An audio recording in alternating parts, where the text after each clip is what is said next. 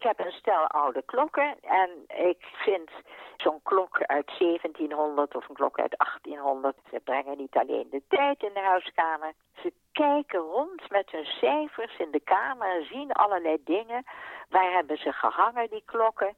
Een oude klok heeft een ziel. Hier is Hanengekraai door Luc Drosten met Elisabeth Bierens de Haan.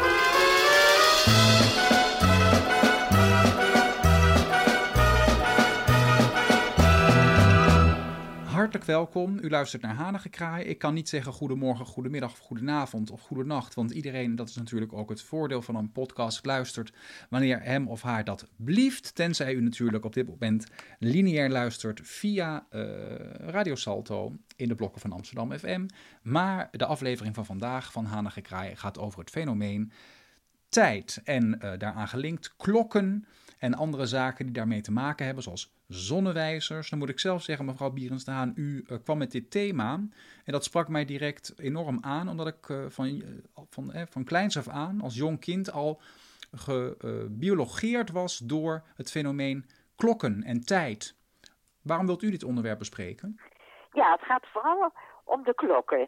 Dus oude klokken. Ja, u heeft er daar heel veel van, weet ik, in uw huis. Ik heb een stel oude klokken en ik vind zo'n klok uit 1700 of een klok uit 1800, ze brengen niet alleen de tijd in de huiskamer, maar ze kijken rond met hun cijfers in de kamer en zien allerlei dingen.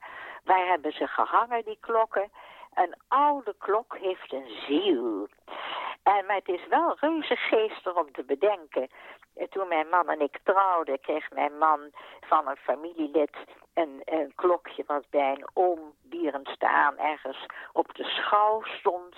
En uh, toen zei die oom, dit is leuk voor jullie beiden, het is een schattig klokje uit 1850. Nou, ik vond het beeld schoon, ik zette het neer. Maar dat ding dat stond steeds stil. En elk moment was ik weer bij de klokkenmaker. Ja, ja, het is een oud uurwerk. Ik ga dit veranderen, dat veranderen. Maar het, het ellendige was dat het klokje op de meest uh, vervelende tijden stond het stil. Toen heb ik het klokje genomen. Ik zeg, nou is het afgelopen met de gedonder. We gaan nu naar Christie's. Je wordt lekker geveild. Ik heb genoeg van jou. Want ik zag bij Blokker een klokje. Hetzelfde klokje met dan op batterijen. Het is geestig, hè? Ik die zo van klokken hou.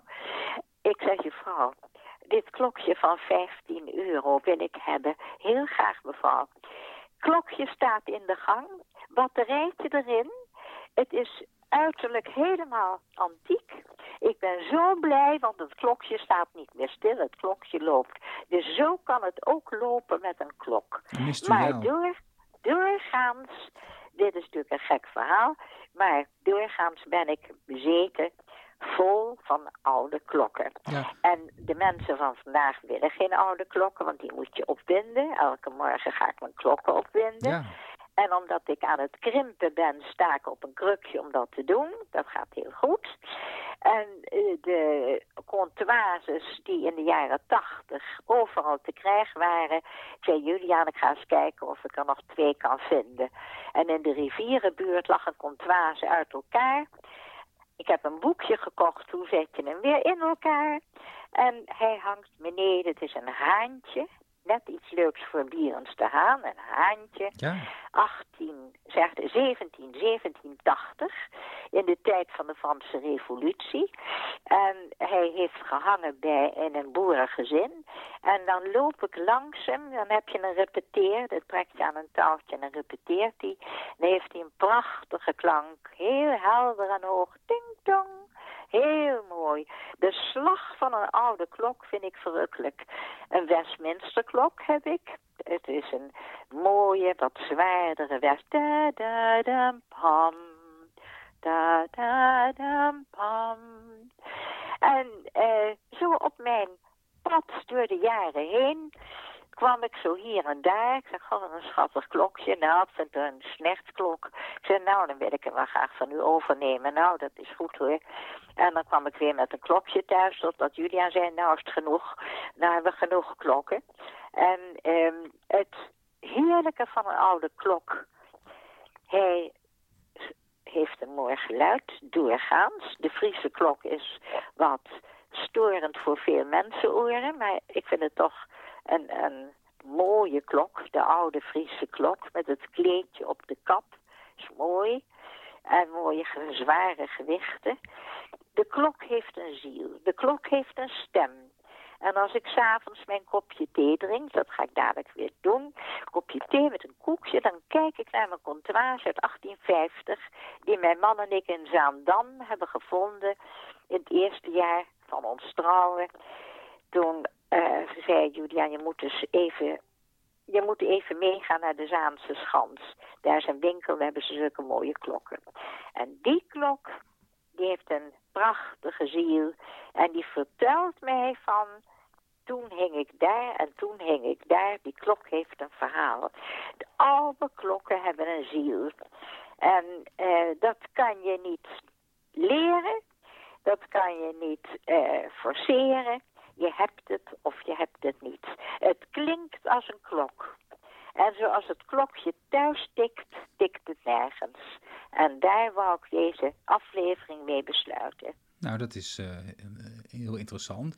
Um, maar even om terug te komen op dus alle klokken in uw huis, hè, die ook de hele dag slaan, die moeten iedere dag worden opgewonden. Ook het plezier inderdaad, want het wordt eigenlijk een soort dagelijks ritueel of een hobby, want je moet al die klokken opdraaien. Dus het is een soort extra tijdverdrijf. Uw, uw man heeft op een gegeven moment op de rem getrapt en zei van nu is het, nu is het genoeg, het is klaar. Is dat, ja, is dat, uh, hij moet u natuurlijk ook in evenwicht houden. Is dat um, omdat hij bijvoorbeeld uh, heel erg het op de zenuwen kreeg vanwege dat getik? Of is dat nee, omdat nee, hij... helemaal niet.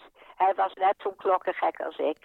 Maar we hadden geen ruimte meer aan de muur voor klokken. Ah, en... er moesten ook nog schilderijtjes hangen. En draaide u allebei de klokken op? Of deed hij dat? Nee, nee, nee, nee, nee.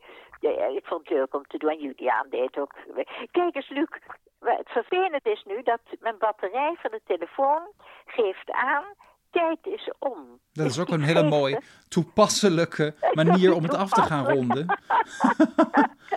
het, is, het is een teken van boven dat we het zometeen moeten gaan afronden. wil, ik nog, wil ik nog kort even aan u vragen. Uh, in de voorbespreking noemde u ook het fenomeen zonnewijzers. Wat heeft u daarmee? Mooi, echt mooi. 1600, 1550, 1650. In de tuinen van uh, kastelen en mooie, prachtige, statige huizen. In de tuin een zonnewijzer. Een teken van aristocratie. En vindt u dat het tikken van een klok in een huis uh, extra huiselijkheid toevoegt? Ja, klopt. En uh, denkt u ook dat dat bijvoorbeeld uh, stressverminderend kan werken om een tikkende klok ja, in huis te hebben? ook dat. Ook dat. Hm. Ja, dus als, hele interessante opmerking die je maakt. De, heel, ja. de helende werking van de klok. De helende werking van het tikken van een klok.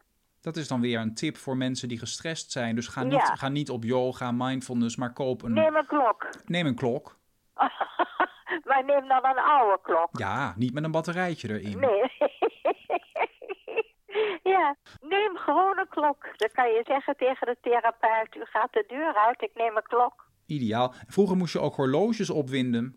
Ja, ik heb nog horloges hier die je moet opwinden. Ja. En het horloge dat u nu om heeft, is dat een horloge met een Heeft batterij? een batterij en als die batterij op is, gaat het horloge weg. Ik vertik het. Ik zet er geen nieuwe batterij in, want de batterij is even duur als een nieuw horloge. Ja, dat is tegenwoordig. En, en dan hupsakee, dan staat er een aanbieding van twee horloges voor een prijs. Hupsakee, heb ik weer nieuwe horloges. Dus eh, je hebt ook horloges die ook de, de polsslag werken. Ja. Maar zo doe ik het dus. En heeft u een voorkeur voor een wijzerplaat met eh, Latijnse cijfers of eh, Arabische cijfers of met nee, Romeinse heel, heel cijfers? eenvoudig. Nee, nee, nee, nee. Ik had altijd een fascinatie voor wijzerplaten met ehm, Romeinse cijfers. hey, dat is interessant. Ja, dat is, we gaan het afronden. Nou, mevrouw Bieres de Haan, de tijd dwingt ons om het weer af te gaan ronden. Lieve Luc, het was me een waar genoegen. En ik hoop je gauw weer te horen voor de volgende podcast. Ik wens u een hele fijne rest van de dag nog. Let goed op, de, op de tijd. Blijf bij de tijd. Ja. Eh, raak niet getikt. En ehm, tot de volgende keer. Tot de volgende keer. Wilt u reageren? U kunt direct contact opnemen met mevrouw Berends de Haan via haar eigen mailadres elisabethberendstehaan.ziggo.nl of naar ons mailadres hanengekraai.amsterdammefm.nl